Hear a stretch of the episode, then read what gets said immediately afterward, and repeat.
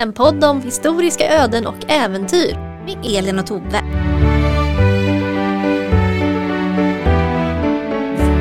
Med Guds nåde, Sveriges Götes och Vendes konung, lantgreve till Hessen, gör det vitterligt att så som riksens ständer vid sist hållne riksdag hos oss i underdånighet anhållit, det vi ett förnyat duellsplakat vill utfärda låta, och vi där jämte icke utan största missnöje förnummit, att dess straffvärde självsvåld med dueller och otvungna slagsmål samt förgripelser i ord och gärningar här i vårt rike ej sällan förspörjas, varigenom ej allenast Guds straff över land och rike drages, emedan han all sådan blodsutgjutelse och överdåd hatar, utan och slike obetänkte människor sätta sin eviga och timliga välfärd i fara. Alltså har vi härmed på det strängaste och allvarligaste velat förbjuda, som vi och i kraft av denna vår förordning på det högsta förbjude alla utmaningar och dueller samt förgripelser i ord, åtbörder eller gärningar och därom kungligt majestäts förnyade duellsplakat givet i Stockholm i rådkammaren den 26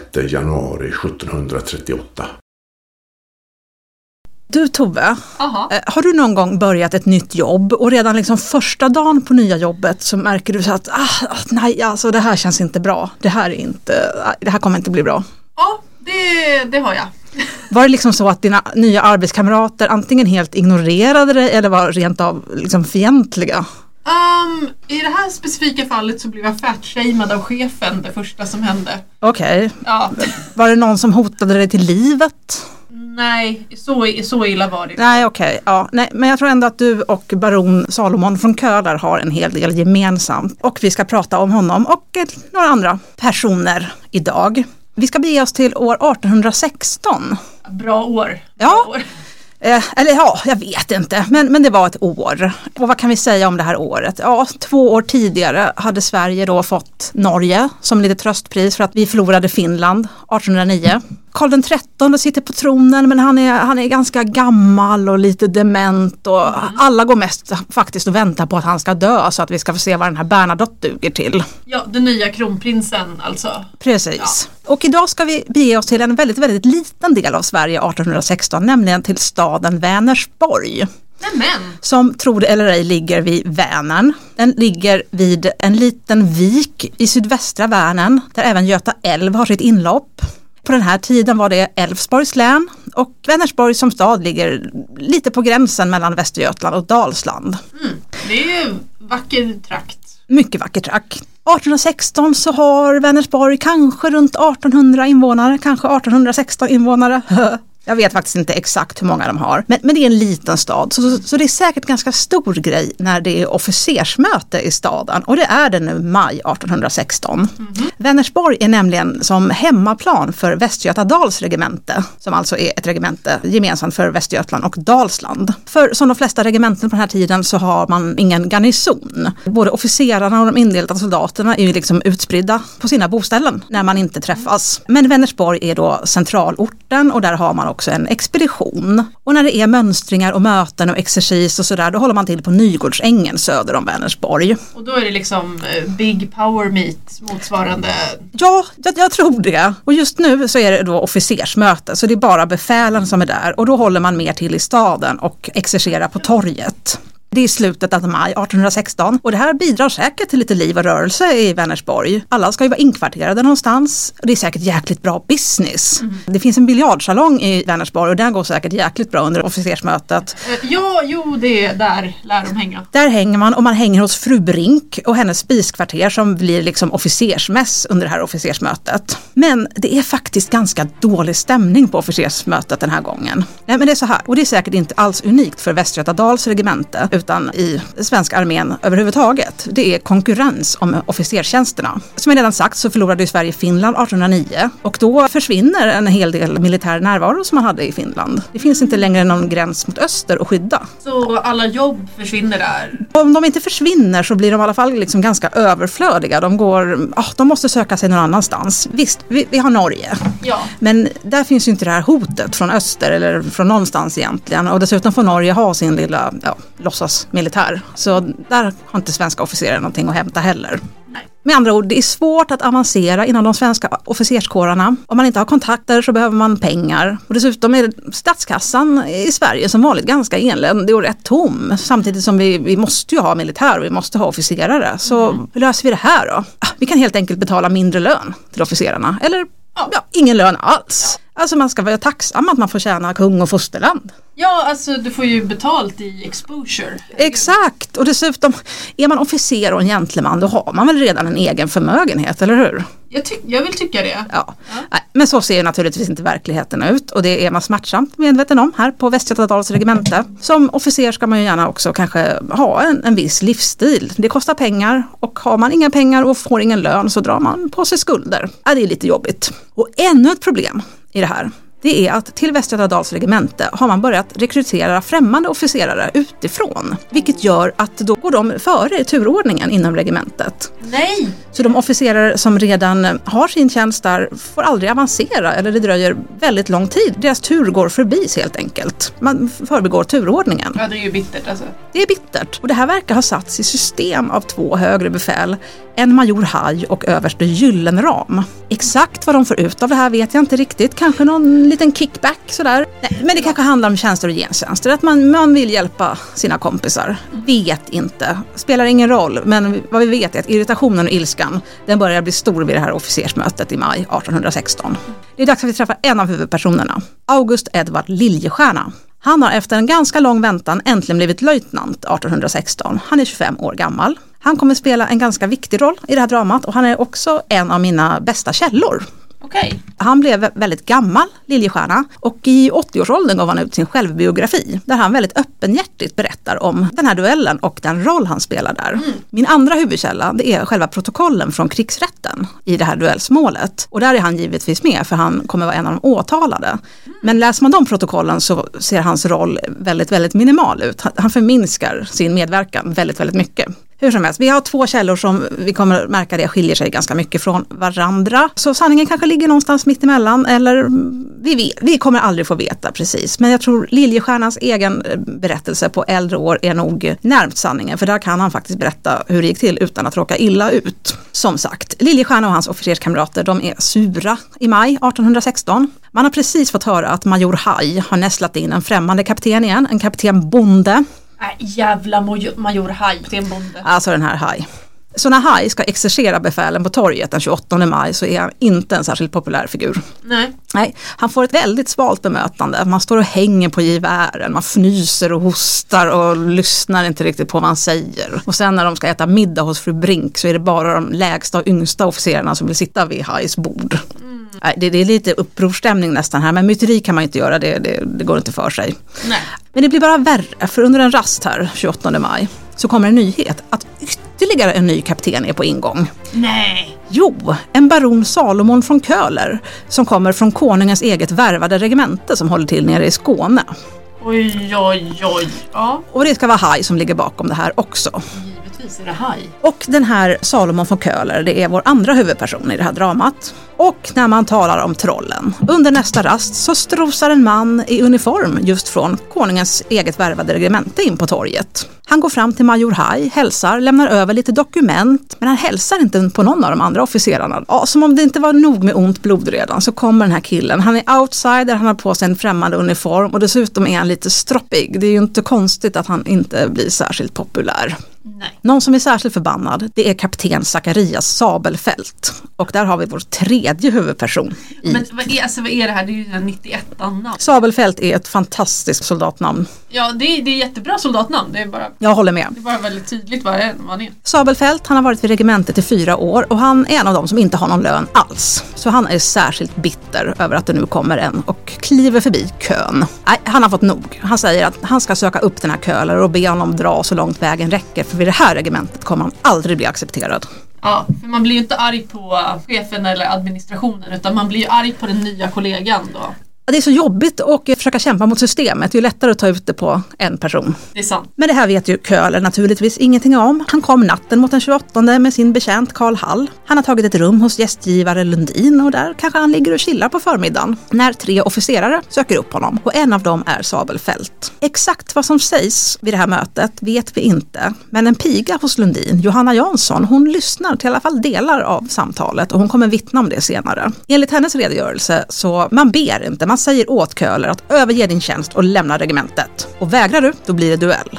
Oj! Köhler, han, han sätter sig emot. Nej jag, jag, jag, kan, nej, jag tänker inte lämna. Jag har fått den här platsen av kronprinsen. Jag, jag, nej, det är ingen som lyssnar. Sabelfält utmanar honom rent ut på duell, där och då. Oj! Dessutom förolämpar de Köhler. De antyder att han är en hoppjerka som inte har fått stanna vid något regemente. Det är ju uppenbart att han inte sköter sig. Och det är sant, Köhler har varit på tre regementen innan. Först Skaraborg, sen Uppland och sen konungens eget värvade regemente. Så han, han har hoppat runt lite, det stämmer. Och det, det är dåligt alltså, han är officer. Det verkar i alla fall som att de här, de här killarna tycker det. De, ja, okej, ja, men det är de som vet. Ja. Pigan Johanna Jansson hör också att man diskuterar plats för duellen. Hon hör inte vad man bestämmer sig för, men hon hör att man diskuterat antingen kanske här på gården hos Lundins, vilket han säkert skulle uppskatta jättemycket, Ja. eller kanske på biljardsalongen. Men ja, nej, det blir inte något av de här, men hon hör inte vad det blir. Hon hör att man börjar diskutera vapen, om det ska värja eller pistoler. Oj, oj, oj. Ja. Köhler säger att det gör detsamma, men sen väljer han i alla fall pistoler. Det här är alltså Köhlers första dag på jobbet. Nej, det är inte lätt och pigan Johanna kommer vittna sen om att Köhler är ledsam och orolig och det kan man ju faktiskt förstå. ja, men Köhler, alltså hashtag team Köhler. Med all rätt, för han sitter ju i en extremt taskig sits nu. Ja, För om han gör som de vill, lämnar tjänsten och regementet, då har han ju sabbat sitt rykte totalt. Då är han ju en fjant, en fegis som bara sticker. Och jag tror inte han, hans karriär är förstörd i så fall. Han är Ja, rökt. Det känns ju som att man inte får någon ny tjänst om man... Nej, jag tror inte det. Och ja, om man går med på att duellera då? Ja, för det första kan han ju bli skadad eller mista livet. Och om det inte går så illa så är det trots allt väldigt, väldigt dryga straff om man blir påkommen med att duellera. Är det olagligt att duellera? Eller? Ja men det är ju det. Det är i högsta grad olagligt att duellera. Redan 1662 så kom det det så kallade duellplakatet. Jag tror att det var olagligt redan innan men här så fastställer man det ordentligt vad som gäller. Det blev förnyat senast 1738 så det är den förordningen som gäller nu. Och det är hårda bud, det är hårda straff. Dueller har ju blivit mindre och mindre vanliga under 1700-talet men det förekommer fortfarande. Det verkar nästan som att det är lite som en öppen hemlighet inom den svenska armén. Det finns en kultur som, som tycker att eh, dueller är okej och även de högre befälen, de är medvetna om att det här förekommer och ser gärna genom fingrarna med det. Så inom den här subkulturen så är det lite balt och lite okej, men det är olagligt. Ja men precis och man tycker att det, det är ganska praktiskt också för då behöver man inte dra upp konflikter till allmän beskådan i en, en vanlig domstol. Och dessutom den vanliga domstolen kan ju inte heller ge dig upprättelse om din heder har blivit kränkt. Det, det, det finns inte riktigt i, i svenska lagen. Så så länge ingen blir allvarligt skadad eller i värsta fall dör så låt dem hålla på. Det, det, är bara bra. Så visst, man pratar tyst om duellerandet men det sker och till och med uppmuntras ibland av högdjuren. Så Köhler han fattar nog att han har inte någon val. Om han nu har blivit utmanad på duell så kanske det dessutom är hans bästa chans att lösa den här taskiga sitsen. Men som sagt, det är ju inte konstigt om Köhler är ledsam och orolig här sin första dag på jobbet. Samtidigt är officerare tydligen en hop skvallerkärringar för ryktet om den här duellen sprider sig snabbt på stan. Liljestjärna är ute och spatserar när adjutant Tolf Stenberg stoppar honom. Han heter Tolf Stenberg, jag vet inte. Jag älskar det. Vi får bara acceptera att det är så. Ja. Och det är ytterligare en huvudperson. Liljestjärna, han gillar inte den här Stenberg riktigt. Jag tror att han tycker att han är eh, jobbig jävel. Men Stenberg kommer fram och säger att hej, vi ska ut och provskjuta pistoler. Det har Sabelfält sagt. Nej, Liljestjärna har absolut ingen lust med det här och han tänker först ignorera Stenberg. Men då kommer Sabelfält själv. Och han har med sig två pistoler som han säger att han har fått låna av en kapten Gyllenspets. Alltså de här namnen. Ja. Ja. Han är inte en huvudperson. Vi kan bara tänka på Gyllenspets ibland. Så Sabelfält ber Liljestjärna, men snälla gå ut och provskjut de här pistolerna. Och, och då går Liljestjärna med på det. Sabelfält säger också att eh, hitta gärna en ogenerad plats. Det vill säga underförstått där man kan hålla duell. Ja. Så Liljestjärna måste åka med den här jobbiga Stenberg över Dalbobron till Bonnalandet utanför Vänersborg. Och där hittar man en bra glänta i skogen. Man provskjuter på ett träd. Liljestjärna träffar trädet men Stenberg träffar inte trädet för han är en loser. Ja. Tönt. Dålig. Ja. Som sagt, ryktet verkar sprida sig med eldens hastighet. När Liljestjärna är tillbaka i stan så kallas han och ett gäng andra officerskamrater till den här Major Haj. Major Haj, han har redan hört att någon har utmanat Köhler på duell och han uppmanar dem att tänka sig riktigt noga för nu. Men ingen säger ett ord till honom. Liljestjärna går hem och så snart han har gjort det så kommer den här jobbiga Stenberg igen och säger att Liljestjärna ska vara Köhlers sekundant vid duellen. Och då blir Liljestjärna förbannad. Nej, det ska jag så fan heller. Okej, de bara rekryterar honom. Bara säger till att nu ska du. Ja, det är i alla fall vad han tycker. Ja, okej. Men då kommer än en gång Sabelfält och tar över det här lite och försöker övertala Liljestjärna. Men Liljestjärna säger att om Stenberg är med i det här då tänker jag inte vara sekundant eller inblandad på något sätt. Nej. För Stenberg, han är en loser. Han är jobbig. Ja. Mm. Och Sabelfält säger att han har inte bett Stenberg vara sekundant, han bara, han bara hänger, hänger efter här. Jag tänker mig att Stenberg står bara och ler fånigt när de pratar här. Alltså Liljestjärna han är inte bekväm med det här men han går med i alla fall på att vara Sabelfält sekundant. Bara inte Stenberg är med. För han är en loser och tönt. Ja. Nej, men det är lugnt säger Sabelfält. Han har raggat upp kapten Sundén som ska vara Köhlers sekundant. Okej. Lars Sundén, vår femte huvudperson, han är lite äldre än de här killarna som är 24-25. Han är i 40-årsåldern och har redan varit vid regementet i 25 år. Han har varit med i flera fälttåg, senast 1814. Kanske att han borde vetat lite bättre än att Jag- ge sig in i det här. Jag, jag tänker det. Varför, varför hänger han på? Inte en aning, men tydligen så är han på något sätt bekant med Köhler sedan tidigare. Så man kanske tänker att vi ska ändå vara lite schyssta mot Köhler och ge honom någon som han känner. Okej, men han ska vara på team Köhler. Ja, han sekundant. Ja, han sekundant. Ja, precis. Så han ska, han ska boosta honom lite då eller han ska hjälpa honom eller? Ska ladda hans pistol i alla fall. Okej, han laddar hans pistol. Ja, men han är på hans... Okej. Ja, Mm. det är hans kille. Ja, vad händer sen? Ja, vi vet inte riktigt hur Köhlers kväll är. Jag antar att han inte är jätterolig. Nej. Men han är smart och går och lägger sig väldigt tidigt. Men redan vid tio tiden kommer bud från Major Haj. Köhler ska infinna sig. Så han klär på sig och enligt hans betjänt Hall är han bara borta en halvtimme innan han är tillbaka igen. Senare kommer Hall vittna att Köhler har sagt till Hall att Haj har uppmanat Köhler att anta den här duellen. Att Okej. så om Köhler hade väntat sig något stöd där så bedrog han sig riktigt. Alltså, Köhler. Köhler kommer tillbaka till sitt rum, klär av sig, lägger sig igen. Men nej, tror du han får någon vila då? Jag tror han är ganska, känner sig ganska orolig och kanske har lite ångest. Ja, och särskilt för att jävla Stenberg kommer och vill göra ett besök. Nej. Jo, är nämligen så att Stenberg kommer till Lundins gästgiveri och frågar pigan Anna-Greta Salberg var Köhler bor. Jo, svarar hon, det är bara att gå upp för trappan och så är det rummet till vänster. Men det här är inte gott nog åt Stenberg. Vet inte vad hans problem är, men han är skitotrevlig mot Anna-Greta och säger Visa mig kona var han bor! Men gud! Totalt oprovocerat. Men sen går han i alla fall upp utan att Anna-Greta behöver visa honom. Men jag kan tänka mig att Anna-Greta, hon tänker, alltså den här jäveln. Ja. För sen följer hon efter och går upp i rummet som är intill Köhlers. Där en, av en händelse pigan Johanna Jansson, som vi redan hört talas om, redan sitter. Och där hör man ganska bra vad som pratas om i Köhlers rum. Ja, mm. Så de, de tjuvlyssnar? De, de råkar höra vad som sägs och de kommer dessutom vittna om det senare. Och deras version skiljer sig ganska rejält från Stenbergs kan vi säga. Men vi börjar med pigornas version. Enligt pigorna så kommer Stenberg och uppmanar Köhler att lämna regementet frivilligt. Alltså lite av en repris av vad som Sabelfält redan har sagt till honom. Stenberg försöker resonera. Det finns ju fattiga kamrater här vid regementet som behöver din tjänst bättre. Du är redan förmögen, du tar ju bara maten ur någon annans mun. Dessutom antyder han då enligt pigorna att det finns en överenskommelse på regementet att man ska jaga bort alla främmande officerare som kommer. Okej. Men Köhler säger att nej, nej men jag varken kan eller vill låta mig skrämmas bort. Och då kontrar Stenberg med att ja, nej men då, då blir det duell. Du måste duellera. Imorgon klockan fem. Ah, säger Köhler, det är lite för tidigt. Skulle vi kunna säga klockan sex istället? Ja, herregud. Jo, nej, nej, men det, det går bra, det går bra. Sen suckar Köhler lite och frågar vad, vad, vad, skulle Stenberg ha gjort i hans ställe? Ja, säger Stenberg, det är svårt men det kan inte hjälpas. Ja, sen småpratar de lite grann. Stenberg säger att han bryr sig inte så mycket för egen del för han ska ju faktiskt ta avsked från regementet snart och resa. Jaha, säger Köhler, ska han resa utomlands? Ja, det tänker han. Jaha, vad trevligt då. Ja, men godnatt. Och så skiljs de åt. Okej. Ja, som, som man gör. Mm. Ja, Som händer. Precis. Stenbergs version det är att han kommer bara i all vänskaplighet, vill bara hälsa på Köhler för de är tydligen gamla bekanta från Skara. Okej. Köhler börjar med att beklaga sig över det dåliga bemötandet han har fått på regementet men han försöker ändå vara positiv, det, det kommer nog bli bättre med tiden. Och då kör Stenberg det här med att ja, men tänk på fattiga kamrater och bla bla bla. Och Köhler säger nej, jag kan inte sedera, det vill säga avstå från tjänsten i det här sammanhanget. Det vore sårande för min heder. Men det kan inte Stenberg hålla med om. Tvärtom, det är väl tillfredsställande om man vet att man har hjälpt en kamrat upp här i världen. Jo, tycker Köhler, det, så är det väl förvisso. Och enligt Stenberg så är det Köhler som nu börjar prata om duell. Stenberg säger att han blir förskräckt, nej men inte ska ni duellera inte. Och klandrar Köhler lite för att han har en taskig attityd. Men Köhler berättar att han och Stabelfelt har redan kommit överens om tid och plats. De ska träffas imorgon klockan fem, men nu har han kommit på att han vill faktiskt ha sovmorgon. Kan Stenberg meddela Sabelfält att sex, klockan sex, det vore mycket bättre? Okej, så att i Stenbergs version så kom han in och försökte avstyra det här lite grann. Ja, han, eh, det är första gången han har hört talas om att det ska vara duell. Okej, nej, men det, hur skulle han kunna veta det? Nej. Han har ju inte fått någon eller varit inblandad eller provskjutit något vapen eller... Nej men exakt. Nej.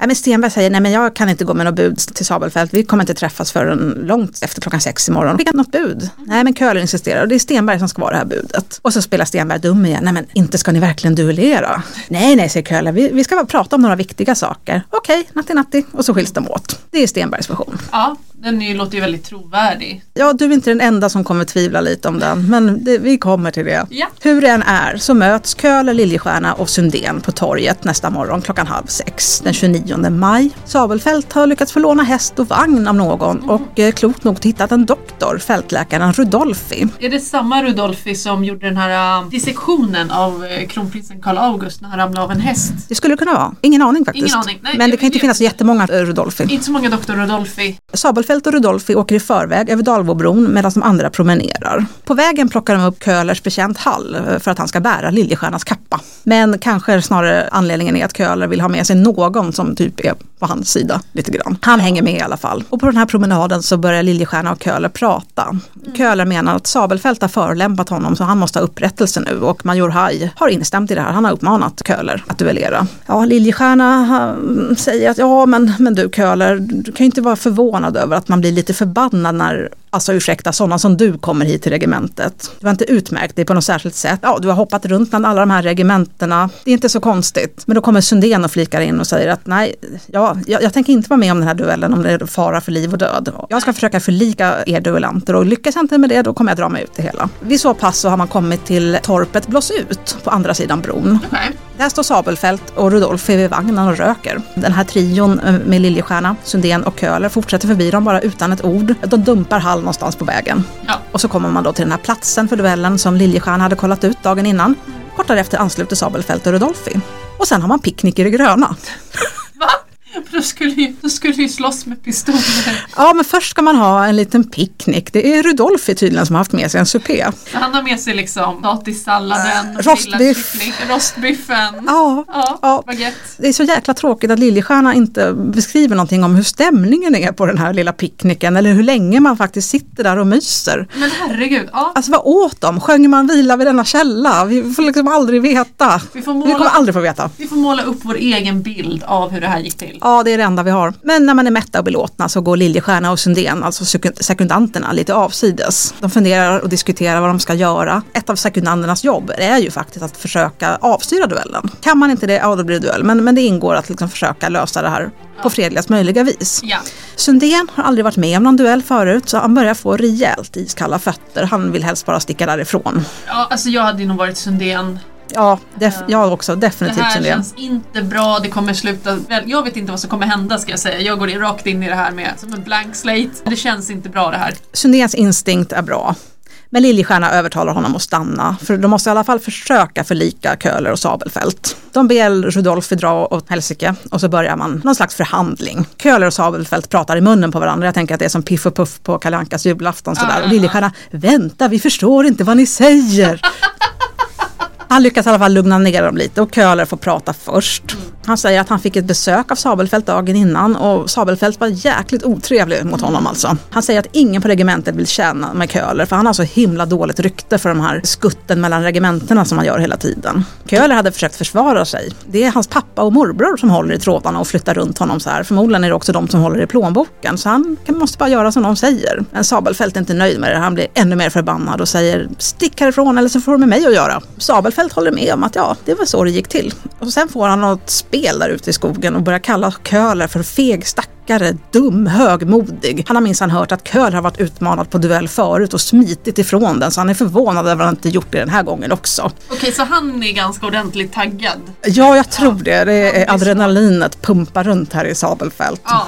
Liljestjärna och Sandén försöker få honom att tagga ner lite grann nu men han, nej, han står fast vid allt han har sagt. Så sekundanterna de börjar ju fatta att det blir ingen förlikning I här. alla fall en av de här killarna vill ju slåss.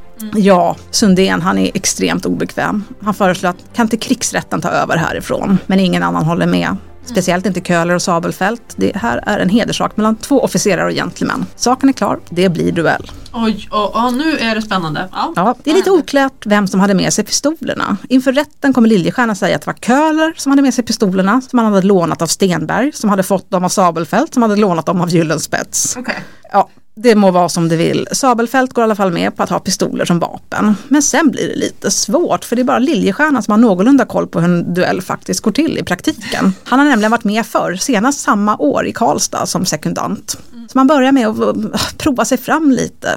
Liljestjärna frågar, ja men hur långt ska ni ha mellan varandra? Ja, Köhler, han har ingen aning. Han frågar, "Vad- tycker ni andra? Ja, Liljestjärna föreslår 25 till 30 stegs avstånd. Det verkar vara någon standard så. Ja. Ja, nej, Köhler är ju närsynt så han tycker att det, är för långt. Eh, Han vill helst inte ha längre än 12 steg. Nej, men alla, alla tycker att 12 steg låter bra. Okej, det, det är ju ändå ganska nära. Det är nog rätt nära, ja. Så Liljestjärna försöker igen, liksom, kom igen nu, hjälp mig lite här nu. Va, va, vad ska vi ha för regler? Men Köhler och Sundén har inte varit med i en duell. Sabelfält verkar ha checkat ut helt, han säger ingenting. Så Liljestjärna får styra upp det här själv och bestämma reglerna. Han föreslår att man märker upp en fyrkant med värjor så att varje duellant och sekundant har varsin plats. Sekundanterna ska ladda vapnen och när man är redo ska den äldsta sekundanten ropa giv akt. Då intar alla sina ställningar.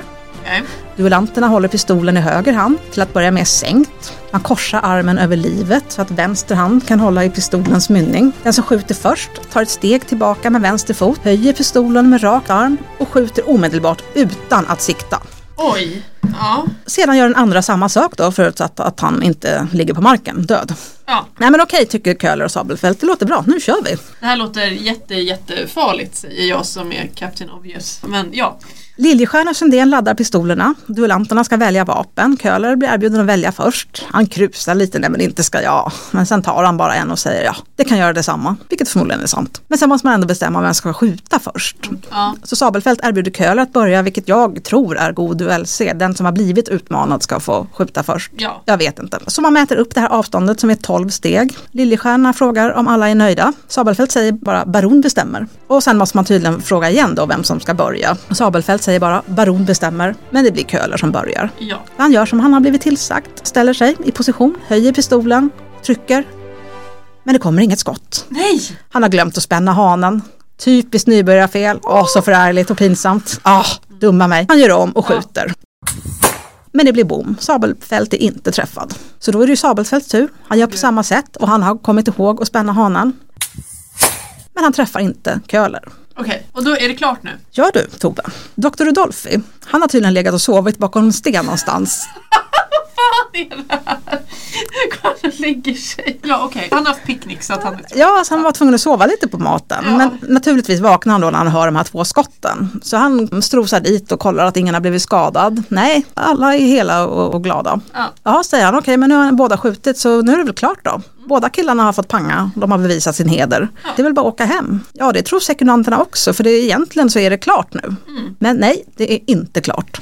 Nej. Inför rätten kommer Liljestjärna och Sundén berätta att Sabelfält varit nöjd. Han ska ha sagt, det ser ut som att vi vore lika goda sköttar. Men i deras version så ska Köhler ha insisterat på en fortsättning och då ska Sabelfält eh, ansett sig utmanad. Okej, så han som inte ville ska vill, vill plötsligt fortsätta enligt de andra killarna. Ja, enligt den officiella versionen i rätten. Men vad säger biografin? I självbiografin är han märkligt otydlig faktiskt om vem som verkligen insisterade på vem som skulle fortsätta. Och Köhler kommer ju aldrig få ge sin version så det kanske ganska bekvämt att skylla på Köhler. Vi vet inte. Men nu har Sundén fått nog så han gör sig beredd att, att lämna allt det här bakom sig. Men återigen blir han övertalad av Liljestjärna att stanna. De gör ett nytt försök att förlika kombatanterna och det misslyckas än en gång. Så man ber Rudolfi sticka igen och så ställer man upp på nytt. Den här gången erbjuder Köhler Sabelfält att börja så han skjuter och enligt Liljestjärnas memoarer så ska han medvetet ha siktat på Köhler, alltså tvärt emot reglerna. Ja, det fick man inte göra, man fick inte sikta. Nej, så när det är Köhlers tur så kan inte han lyfta armen och han börjar svaja. Så både han själv och alla förstår ju att han har blivit träffad. Ja. Man ropar på Rudolfi och även på betjänten Hall Ja.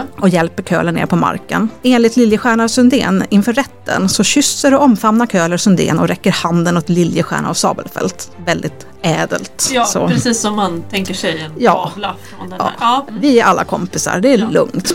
Men Hall kommer vittna om att Köhler senare kommer berätta för Hall att Sabelfält ska ha smädat honom när han låg på marken. Nej, när han ligger ner. Jag vet inte hur du ska tolka det här. Enligt Köhler ska Sabelfält ha sagt Jag beklagar dig bror, det var olyckligt för dig men vi är lika goda vänner. Okej, jag, jag förstår inte riktigt vad det är han... Det här var ju tråkigt att du tar död på mig. Ja, nej jag vet inte heller men jag kanske inte pratar 1816-talsspråk riktigt väl. Men jag tänker att de lär knappast ha varit du och bror med varandra innan det här. Nej, så de det- lär inte heller vara du och bror med varandra efter. Så det Nej. kanske är det som är smädelsen. Ja, Att han försöker vara mer familjär. Jag vet, vet inte. Nej. Köhler kommer också säga till Hall att Sabelfält siktat mer än vad som var god duellsed. Så är det något mysterium i det här dramat så är det väl snarare frågan om det helt enkelt var en olycka till följd av en duell eller överlagt mord. Mm. Krigsrätten kommer faktiskt inte stanna särskilt mycket vid den frågan. Oavsett så skulle Sabelfält fått dödsstraff, så det kanske inte spelar någon större roll. Nej. Men Köhler ligger på marken och blöder ymnigt. Han frågar Rudolfi om skadan är svår. Rudolfi binder om så gott han kan här i fält och säger att nej, men jag har vårdat lika svåra skador. Till Liljestjärna säger däremot Rudolfi att nej, det här kommer inte bli bra. Då får Liljestjärna tårar i ögonen, vilket Köhler ser och blir ledsen och upprörd. Ja. Man kör fram den här vagnen som man hade ställt borta vid torpet blås ut och bäddar med granris, diverse rockar och kappor och lägger Köhler på den. Rudolfi säger åt sekuranten att stick fort som fan härifrån för Köhler kommer förmodligen inte överleva färden tillbaka till Vänersborg. Så Liljestjärna, Sundén och Sabelfält sticker fort som fan tillbaka till Vänersborg, Ja. söker upp sina befäl som uppmanar dem att rymma till Danmark. Ja, okej. Och av sina befäl får de reskassa, pass och några ryggdunkningar. Alltså, ja, här gjorde ni bra killar. Ja, okej. Jag vet inte vad jag ska säga, men bra, bra jobbat grabbar. Ja. Ja, nej, men de utförde sin plikt. Det här med att eh, det finns en kultur att dueller måste utkämpas, det är nödvändigt ont. Mm. Under tiden så förs Köhler tillbaka till gästgivare Lundin och då kommer jävla Stenberg och ska hjälpa till att bära upp honom till hans rum. Nej, inte jävla Stenberg. Jo, Nej. och han, han spelar dum. Han frågar pigan Johanna Jansson var Köhlers rum är. Men Johanna Jansson hon har inte tålamod med Stenbergs nonsens. Hon svarar rummet är idag där det var igår afton när herr löjtnanten var där. Oh. Oh. Det svarar inte Stenberg någonting på. Min förhoppning är att Köhler får slippa den här jävla Stenberg sina sista timmar i livet, för de kommer nu. Han sköts om av Rudolfi och även läkarna Winkler och Sandmark som befinner sig i Vänersborg. Men det är inte så himla mycket de kan göra. Men var är han träffad? Vet man det? Japp, kulan gick in genom höger axel och går sedan liksom rakt igenom kroppen och skadar högra lungan och levern. Så 1816 så, äh, det finns ingen läkare som kan Nej. rädda honom. Några olika vittnen berättar om Köhlers sista stunder i livet. Dr. Winkler säger att Köhler ska ha sagt att duellen inte gick rätt till, att Sabelfält siktade för mycket. Och till Rudolfi ska han sagt att Sabelfält träffade rätt bra. Och det kanske är i den meningen att Sabelfält försökte träffa bra. Ja, han siktade. Någon random major Norlin som kommer till Köhler hävdar att han säger Jag har uppfyllt en plikt vartill heden kallade mig och tror att Gud är lika barmhärtig mot mig som andra människor. Norlin frågar om Köhler vill anförtro honom någonting eller att han uträttar någonting åt honom men han får inget svar på det. Rudolfi vittnar om att Köhler uthärdar smärtorna tålmodigt. Han tar emot vetskapen om sin nalkande död med lugn och nämner sedan inte Sabelfält eller duellen mer. Och omkring klockan två på eftermiddagen den 29 maj 1816 så dör kapten baron Gustav Salomon von Köhler 24 år gammal. Åh, fan vad onödigt. Och vem var då den här mannen? Ja, jag vet tyvärr inte särskilt mycket om honom mer än att han var född 1792 på säteriet Lyckås nära Gränna. Han var yngst av 11 barn, avlade av pappa Axel Johan och mamma Carolina Brita Karlesson. Von Köhler, som många andra adelssläkter, var ju en militärsläkt, men pappa var faktiskt jurist och blev så småningom vicepresident i Göta hovrätt och sen ledamot i konungens högsta domstol. Salomon blev moderlös vid 10 års ålder men får en styvmor ett år senare. Eftersom det tycks som att han skulle bli militär, kanske han var vid krigsskolan i Karlberg, jag vet inte, ingen aning. 1808 var han student i Lund högst två terminer, för 1809 börjar hans militära bana. Först Skaraborg, sen Upplands, konungens eget värvade regemente och till slut då det olycksaliga Västgöta Dal. Där han, han jobbade i två dagar. Ja, Han bevistade fälttågen i Tyskland och Norge 1813 och 1814. Naturligtvis finns det en bouppteckning efter honom men den innehåller inte mycket. Hans tillgångar var 20 riksdaler i kontanter. Jag kollade naturligtvis i vad kostade det. Fick lite problem och ångest över riksdaler bank och riksdaler specie, riksdaler riksgäld. Men jag tror att 20 riksdaler hade räckt ungefär till en sabel. Passande nog. En annan tillgång var det här ackordet från Upplands regemente. Alltså det var ju ett inofficiellt eller halvofficiellt system inom svenska armén att man köpte sin officertjänst. Fast inte hur som helst utan man gav pengar till den man efterträdde. Och samtidigt den som efterträdde dig gav dig pengar. Och det är det han tydligen har kvar från sin tjänst vid Upplands regemente. Och det, det var ganska mycket pengar. Okej. Mm. Och så var det kläder värderade till 50 riksdaler som hans betjänt Hall redan har fått efter Köhlers död. Och sen skulder som tillsammans något översteg tillgångarna. Det är allt. Jag vet inte ens var hans död registreras någonstans. Eller var han begravs. För om det här duellplakatet från 1738 ska följas till punkt och pricka så ska han faktiskt få en missdådares begravning eftersom han dog i en duell. Och då gäller det att man man begravs utanför kyrkogården i en omärkt grav, men jag vet inte om man följde det stenhårt. Ingen aning. Tillbaka till den 29 maj. Sundén, Liljestjärna och Sabelfält drar till Gärdhems gästgivargård ungefär två mil söder om Vänersborg. Ja, nu är det bråttom killar. Ja, det är det. De diskuterar vad deras nästa steg ska bli som rymmare från rättvisan. Under tiden kommer officerskamrater dit och dricker avskedsskålar. Men Liljestjärna han sitter mest och tycker synd om sig själv för han vill ju bara tjäna fosterlandet. Han vill Ja. inte vara på rymmen. Nej, men, men alltså, jag tycker det är ganska intressant att vantarna blir dragna. Oh ja, det står i du- duellplakatet. De är- vet. De får inte vara med heller egentligen. De vet vad de har gjort. De vet vad. Okej. Ja. En piga från det här gästgivargården kommer senare vittna om att någon har skrivit in Sabel i dagboken. Jag kan tänka mig att det är Sabelfält som dum som en ko börjar skriva in sitt namn tills någon rycker pennan ur handen på honom. Man måste ju skriva in sitt namn. Ja, ja, i i gästgivargården. Ja, Nej! Nej! Din Sabelfält. dumma jävel. Ja. Ja, den här trion lämnar gästgivargården samma dag och fortsätter till Varberg. Vilket är lite ironiskt för två av dem kommer komma tillbaka dit snart. Och sen fortsätter man söderut. Det är inte svårt att hitta härberger någonstans. De blir väl emottagna vart de än kommer, trots att alla vet varför de är på resande fot. Och de här två adelsmännen, Sabelfält och Liljestjärna, har ju massor med släkt och bekantskaper överallt. Så det är inga problem att hitta någonstans att bo och äta. Och Sundén, han, han hänger med bara. Så småningom kommer man ner till Helsingborg då, men man blir avrådda från att fortsätta över till Danmark. Det är tydligen kontroller och Sabelfält, han har en dödsdom på sig. Ja, nej. Men Sabelfält han känner någon i Skåne som han tror att han kan gömma sig hos. Och Liljestjärna och Sundén kommer på att de ska dra till en kusin till Liljestjärna i trakterna kring Askersund. Men ganska snart kom man på att det är ju inte så kul att vara rymling faktiskt. Och Liljestjärna han vill ju bara tjäna fosterlandet. Mm, det är hans, hans motivation. Ja. Mm. Så de bestämmer sig för att vi, vi överlämnar oss åt rättvisan. Vi har faktiskt bara varit sekundanter. Visst, vi kommer bli straffade men det blir säkert inte jättefarligt. Okej. Man bestämmer sig för att åka till, tillbaka till Vänersborg och överlämna sig. Och det gör man. Så det är den 6 juli och det är bara lite mer än en månad efter duellen så blir Liljestjärna och Sundén arresterade i Vänersborg. Men de slipper fängelsehåla. De får nämligen bo hos Liljestjärnas mamma på gården Västeråda uppe i Dalsland. Bara de lovar att inte mita därifrån och komma till domstolen när de är kallade. Åker hem till mamma. De har typ elektronisk fotboja fast inte. Ja. Det kanske står någon och vaktar dem, jag vet inte. Eller hans morsa håller väl koll. Ja, säkert. Står i fönstret. Ja. I sina memoarer så säger Liljestjärna att han hade tänkt att han skulle lägga allt i dagen, berätta allt precis hur duellen gick till, vilka som var inblandade och dessutom avslöja den här korruptionen på regementet med hur man tillsätter officerstjänster. Men han blir tillsagd, eh, eller snarare beordrad att säg så lite du bara kan. Eh, Försök få det till att bara du och Sundén var inblandade i det här. Och det är också så det kommer bli i hans officiella version. Och det är Västgötadals regementes krigsrätt som kommer hålla i den här rättegången. Och man sammanträder för första gången den 22 juli. Och apropå korruption så är ledamöterna i den här domstolen bara officerare från Västgötadals regemente. Och ordförande är major Haj. Nej men jag tycker det låter helt rättssäkert. Jag Ja. ser inga problem i den här konstellationen. Nej, okej. Mm. Ja, Fast lite har man ändå tänkt på det här så man tar in en så kallad mentor. Eh, och jag så tror jag att man alltid gjorde, det ska liksom vara någon som är utomstående. Och man väljer rådmannen och magistratsekreteraren Carl Johan Naukler från Vänersborg. Så han är alltså den enda som är civil, lagkunnig och kanske den enda som är helt ojävig i hela den här domstolen. Men så börjar vi.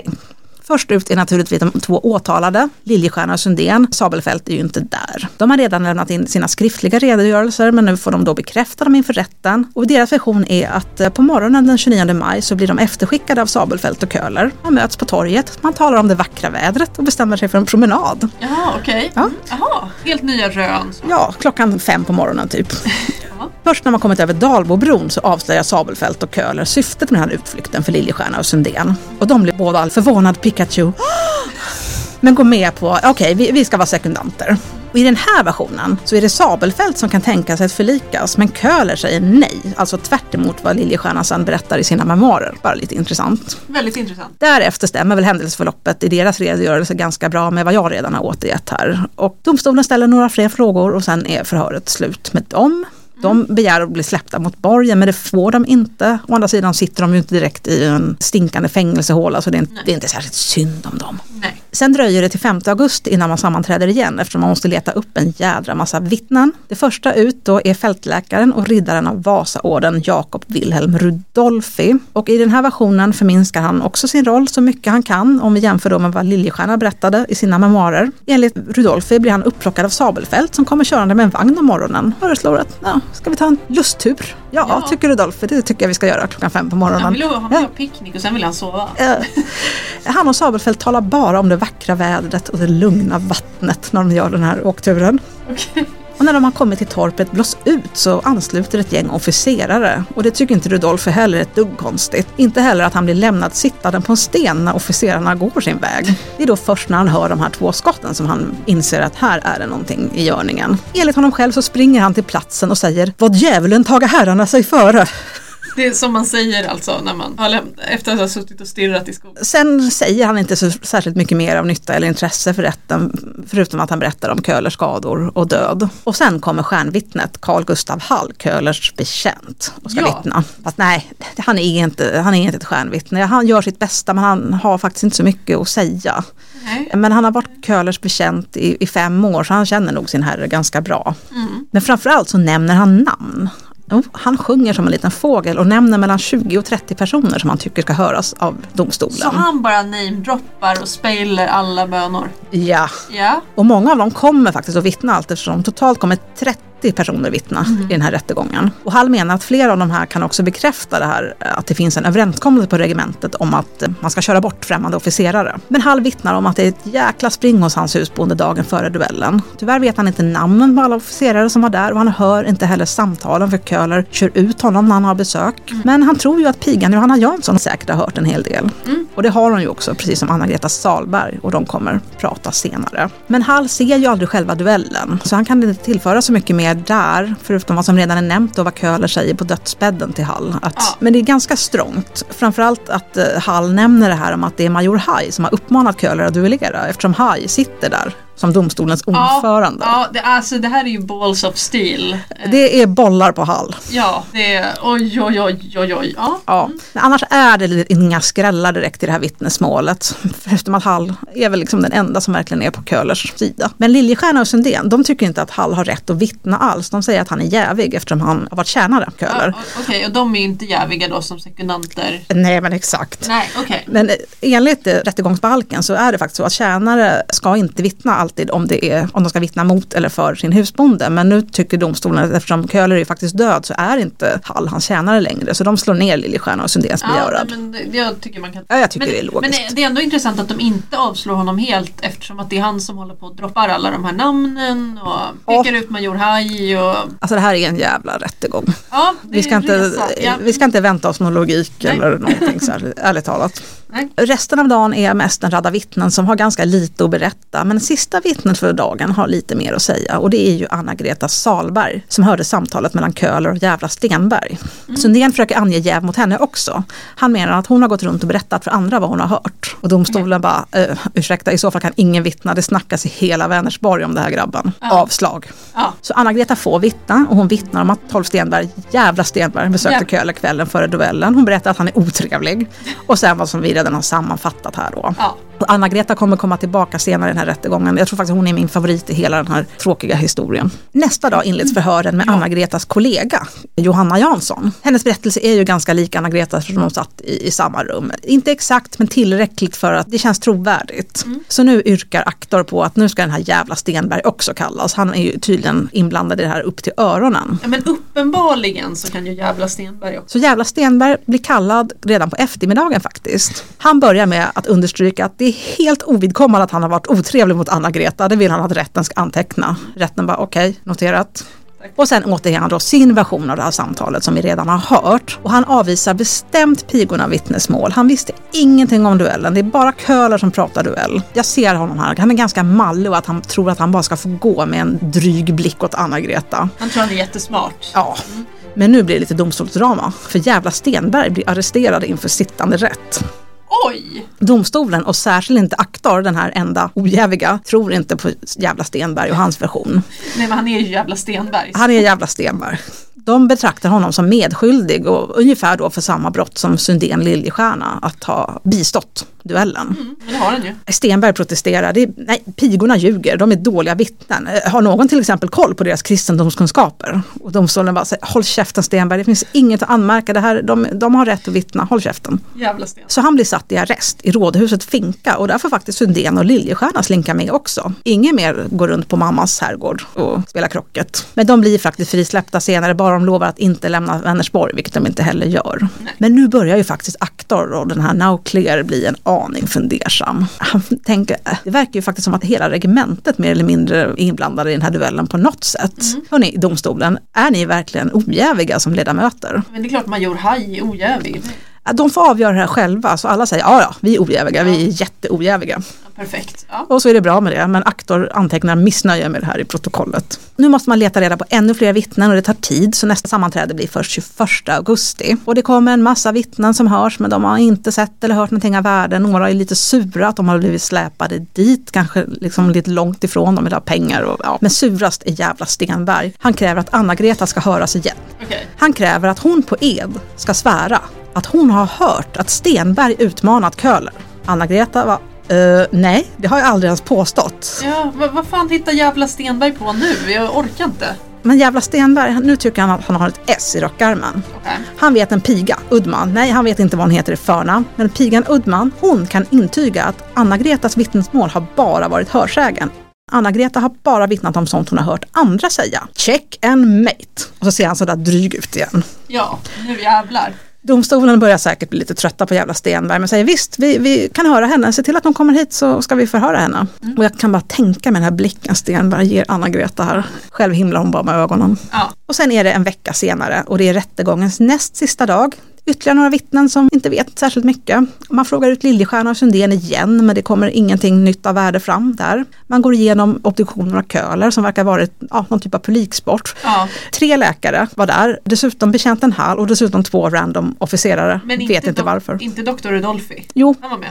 Ja, ja, det var trångt i obduktionssalen verkar Ja. det som. Men till sist, nu är det dags för jävla Stenberg och hans triumf. För han har släpat dit den här pigan Anna Udman. Nu ska hon sätta dit lögnhalsen och menedaren och hans ärkenemesis Anna-Greta Salberg. Men nu står både Anna Udman och Anna-Greta Salberg här inför rätten. Men Salberg säger att hon inte är rädd. Stenberg kan kalla vem han vill. Hon står fast vid sina ord. Och så får Anna Udman avlägga vittneseden. Vittneseden på den här tiden, det är jag, en en, svär vid Gud och hans heliga evangelium, det jag ej annat vet och förstår än att jag en rättvis sak haver och att den ej driver av arghet och illvilja, ska och ej någon vetelig osanning eller slikt bruka, eller söka tiden utdraga eller saken förmörka, eller något dölja, som till en rätt upplysning där i tjänar, utan giva det allt redliga till känna, så sant med Gud hjälpe till liv och själ. Okej. Så det här fick domstolen höra 30 gånger. Och vad, vad, vad händer med jävla Stenbergs plan? Exakt. Anna Udman står här, hon har svurit eden. Så på Stenbergs vägnar frågar domstolen om, om det är sant vad han säger. Har Anna-Greta Salberg sagt till Anna Udman att hon bara har hört det hon vittnat om? Man kan höra en nål falla i, i, i rättssalen. Vad tror du att Udman säger? Jag tror att hon säger nej. Hon säger Stenberg är full av dynga. Hon har aldrig haft ett sånt samtal med Anna-Greta Salberg eller någon annan. Herregud, han hade inte ens stämt med det här med henne. Tydligen inte. Åh gud. Ja, Ja, och- okej. Ja, mm. Jag skulle så gärna vilja veta hur det här togs emot i domstolen. Jag antar att det som står i protokollet, det är nog mycket som inte kommer med där. Jag måste, kan tänka mig att alla skriker jävla Stenberg i kör. Det är det som händer. Jag skulle så gärna vilja se Stenbergs min också. Och jag undrar verkligen vad hans endgame var här. Att slösa bort domstolens tid. Men då får han sitta längre tid som arresterad å andra Ja, sidan. och Så. sätta dit eh, Anna-Greta också. För han har inte varit otrevlig, han har bara kallat henne jävla kon. Men han är inte klar än jävla Stenberg. Nej, nu säger han att Anna-Gretas vittnesmål kan inte vara lagligt. Nej, varför då? För hon gillar inte Stenberg. Domstolen bara, nej, du påstår att hon ljuger under ed, det är klart att hon inte gillar dig. Nej. Men Stenberg släpper inte det här. Han påstår att när de har mötts i rätten så har hon ut i tal och svar utmärkt ilska och ovilja mot honom. Det kan domstolen minsann anteckna och så vill han bli befriad ur arresten. Tack så mycket. Ja, Alltså domstolen orkar inte med mer jävla Stenberg på en dag så de skjuter upp det här till följande dag. men han blir inte utsläppt eller? Nej. Det är rättegångens sista dag, den 30 augusti 1816, så nästan på dagen tre månader efter duellen. Och man börjar med jävla Stenbergs klagomål mot Anna-Greta och den här ilskan och oviljan hon ska ha visat. Men alltså jävla Stenberg, det handlar inte om dig, det handlar om att Köhler har blivit dödad. Ja, nej, allt, är, allt handlar om Stenberg. Okej, Alltså domstolen håller med honom. Jo, vi har ju märkt att Anna-Greta har talat med iver och någon hetta. Spelar ingen roll i det stora hela. Hon är ett bra vittne och Stenberg får stanna i arresten. Punkt. Och då håller Stenberg äntligen käft och man kan börja runda av hela rättegången. Aktor Now Clear redogör för alla sina utgifter, vilket måste vara mycket nödvändigt att föra till protokollet istället för att, att ta det efteråt, men så är det. Och sen så hänskjuter man allt till Kungliga krigshovrätten som kommer att avkunna dom så småningom. Så våra tre killar, Liljestjärna, Sundén och eh, Stenberg får stanna i arresten tills vidare. Jag vet faktiskt inte när domen kommer, men när den kommer så får alla tre samma straff. De blir tjänsteförlustig, de får fem år på fästning och tusen riksdalers böter. oj! Någon gång under den här tiden har Sabelfält tydligen kommit tillbaka och anmält sig själv och han döms till döden. Men alla fyra ansöker om nåd och får det. Domen ändras. Sekudanterna får behålla tjänsten och Sabelfält får behålla livet så länge han lämnar landet, vilket jag antar att han gör. Men nu är det fästning för våra tre andra gossar. Och de får västkusten och Varbergs fästning. Alla tre. Ja, Alltså det här är ju som en, det här är som en såpa. Ja. Nu är det liksom säsong två.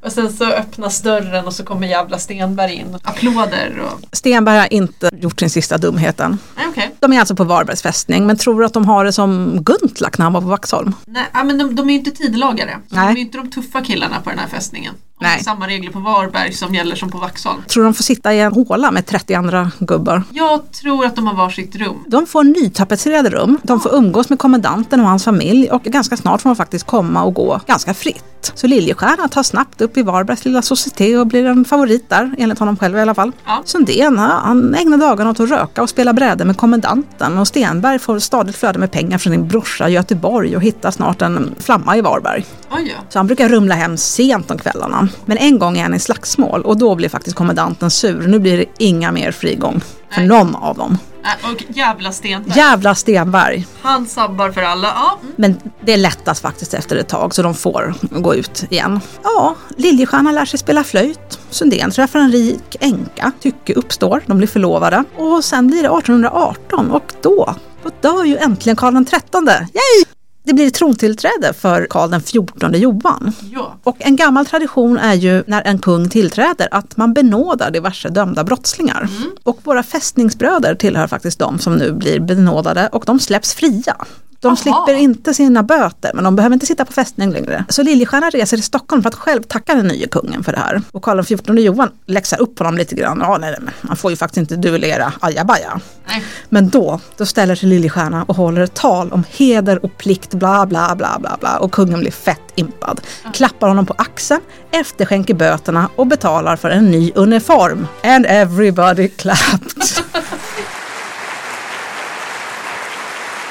Ja, där är vi nästan vid slutet av den här. Och då, så slutar alltså... Ja, jag har en liten epilog. Ja, det vill vi höra. Det verkar som att Sabelfält också blir benådad så småningom så att han får komma hem till Sverige. För han kommer tillbaka till Sverige någon gång. Han dör på Sabbatsbergs sjukhus i Stockholm 1833. Då är han 42 år gammal, ogift och verkar leva i misär helt enkelt. Ganska kort innan sin död har han gått i personlig konkurs. Okej. Enligt bouppteckning äger han en koffert, ett skrin, ett täcke och en frack. Resten är skulder. Alltså det är vansinniga skulder. Okej. Ja. Det går mycket, mycket bättre för Liljestjärna. Han gifter sig så småningom, får nio barn. Han slutar sin militära bana som major. Sedan är han postmästare i Åmål i 30 år innan han dör 1879 vid 87 års ålder. Jag vet tyvärr inte vad som hände med Sundén och Stenberg. Jävla Stenberg. Anna-Greta Salberg, ja, hon fortsätter jobba som jungfru eller piga i Vänersborg och dör 1848 i 50-årsåldern. Och då har hon varit jungfru hos en urmakarfamilj i ja, ganska många år. En som eh, vann lite grann på den här affären var boktryckaren Dahlberg i Vänersborg. Han lät trycka de här krigsrättsprotokollen. I oktober och november 1816 så annonserar han i tidningen att man kan prenumerera på protokollen. Och det är de jag har läst, de tryckta protokollen. Jag har inte suttit på krigsarkivet för då hade det tagit två år att skriva det här avsnittet. Så det här var liksom som en följetong då man kunde följa. Ja, Lite som Guntlach men en officiell version och inte någon snubbe. Ja men det verkar nästan så. I övrigt så finns det ingen press alls om den här duellen. Det nämns inte i någon tidning. Men Okej. pressen var ju inte på den här tiden som den skulle bli senare på 1800-talet. Så det kanske inte är så konstigt. Nej precis. Duellpistolerna finns idag på Vänersborgs museum. De kom dit redan på 1880-talet via eh, en handelsman Skarin som hade fått dem av en ättling till den här Gyllenspets som lånade ut dem till Sabelfält. 1891 så kom en roman, Duellen i Lockerudskogen vid Vänersborg. Jag har inte läst den men den finns online så jag ska lägga ut en länk på den i händelse så småningom. Men jag kan ju inte rekommendera den eftersom jag inte har läst den men den kanske är jättebra. Och som vanligt, om vi får tillräckligt många likes så gör vi en ljudteater av den här boken.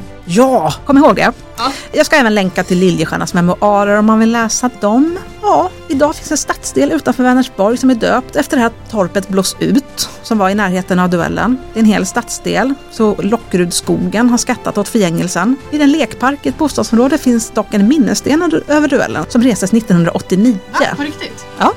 Jaha. Men men, och med pistoler på. Och två gator i det här bostadsområdet heter Duellvägen och Sekundantvägen. Och ingen jävla Stenbergsgränd. Nej. Nej. Ibland har jag hört att den här duellen kallas den sista duellen i Sverige med dödlig utgång, men det stämmer inte. Däremot så är det den sista officersduellen med dödlig utgång. Jag vet inte vilken som är den allra sista duellen med dödlig utgång i Sverige, men i boken Stockholms blodbestänkta jord från 1874 så hittade jag en uppgift om att 1833 så ska en kammarherre Munk hos kronprins Oscar ha blivit osams med en annan anställd inom hovstaten och de ska ha duellerat med sablar. Och den här kammarherre Munk dog av ett sabelhugg. Okej, ja. Och fortfarande 1874 ska hans gravsten ha funnits på Klara kyrkogård med två sablar, vilket jag tycker är lite okänsligt. Ja, det är ju som att ha en viss bakverk på Adolf Fredriks gravvård. Exakt. Ja, nej, det var allt. Var det? Ja. Ja, vad har vi lärt oss? Men håll inte med era folk på jobbet. Var snäll mot nya arbetskamrater. Det tycker jag var en väldigt, väldigt lärdom. Köp hellre en tårta än utmana dem på duell. Det ska jag tänka på nästa gång det börjar någon ny. Ja, nej, men då kanske det har kommit något gott ur den här historien i alla fall. Ja. Ni har lyssnat på Lappri, en podd om historiska öden och äventyr. Vi som har gjort podden heter Elin och Tove. Ni kan följa oss på Instagram på lappripodd, besöka oss på lappripodd.se och om vi hade väldigt fel kan ni mejla oss på lappripodd.gmail.com.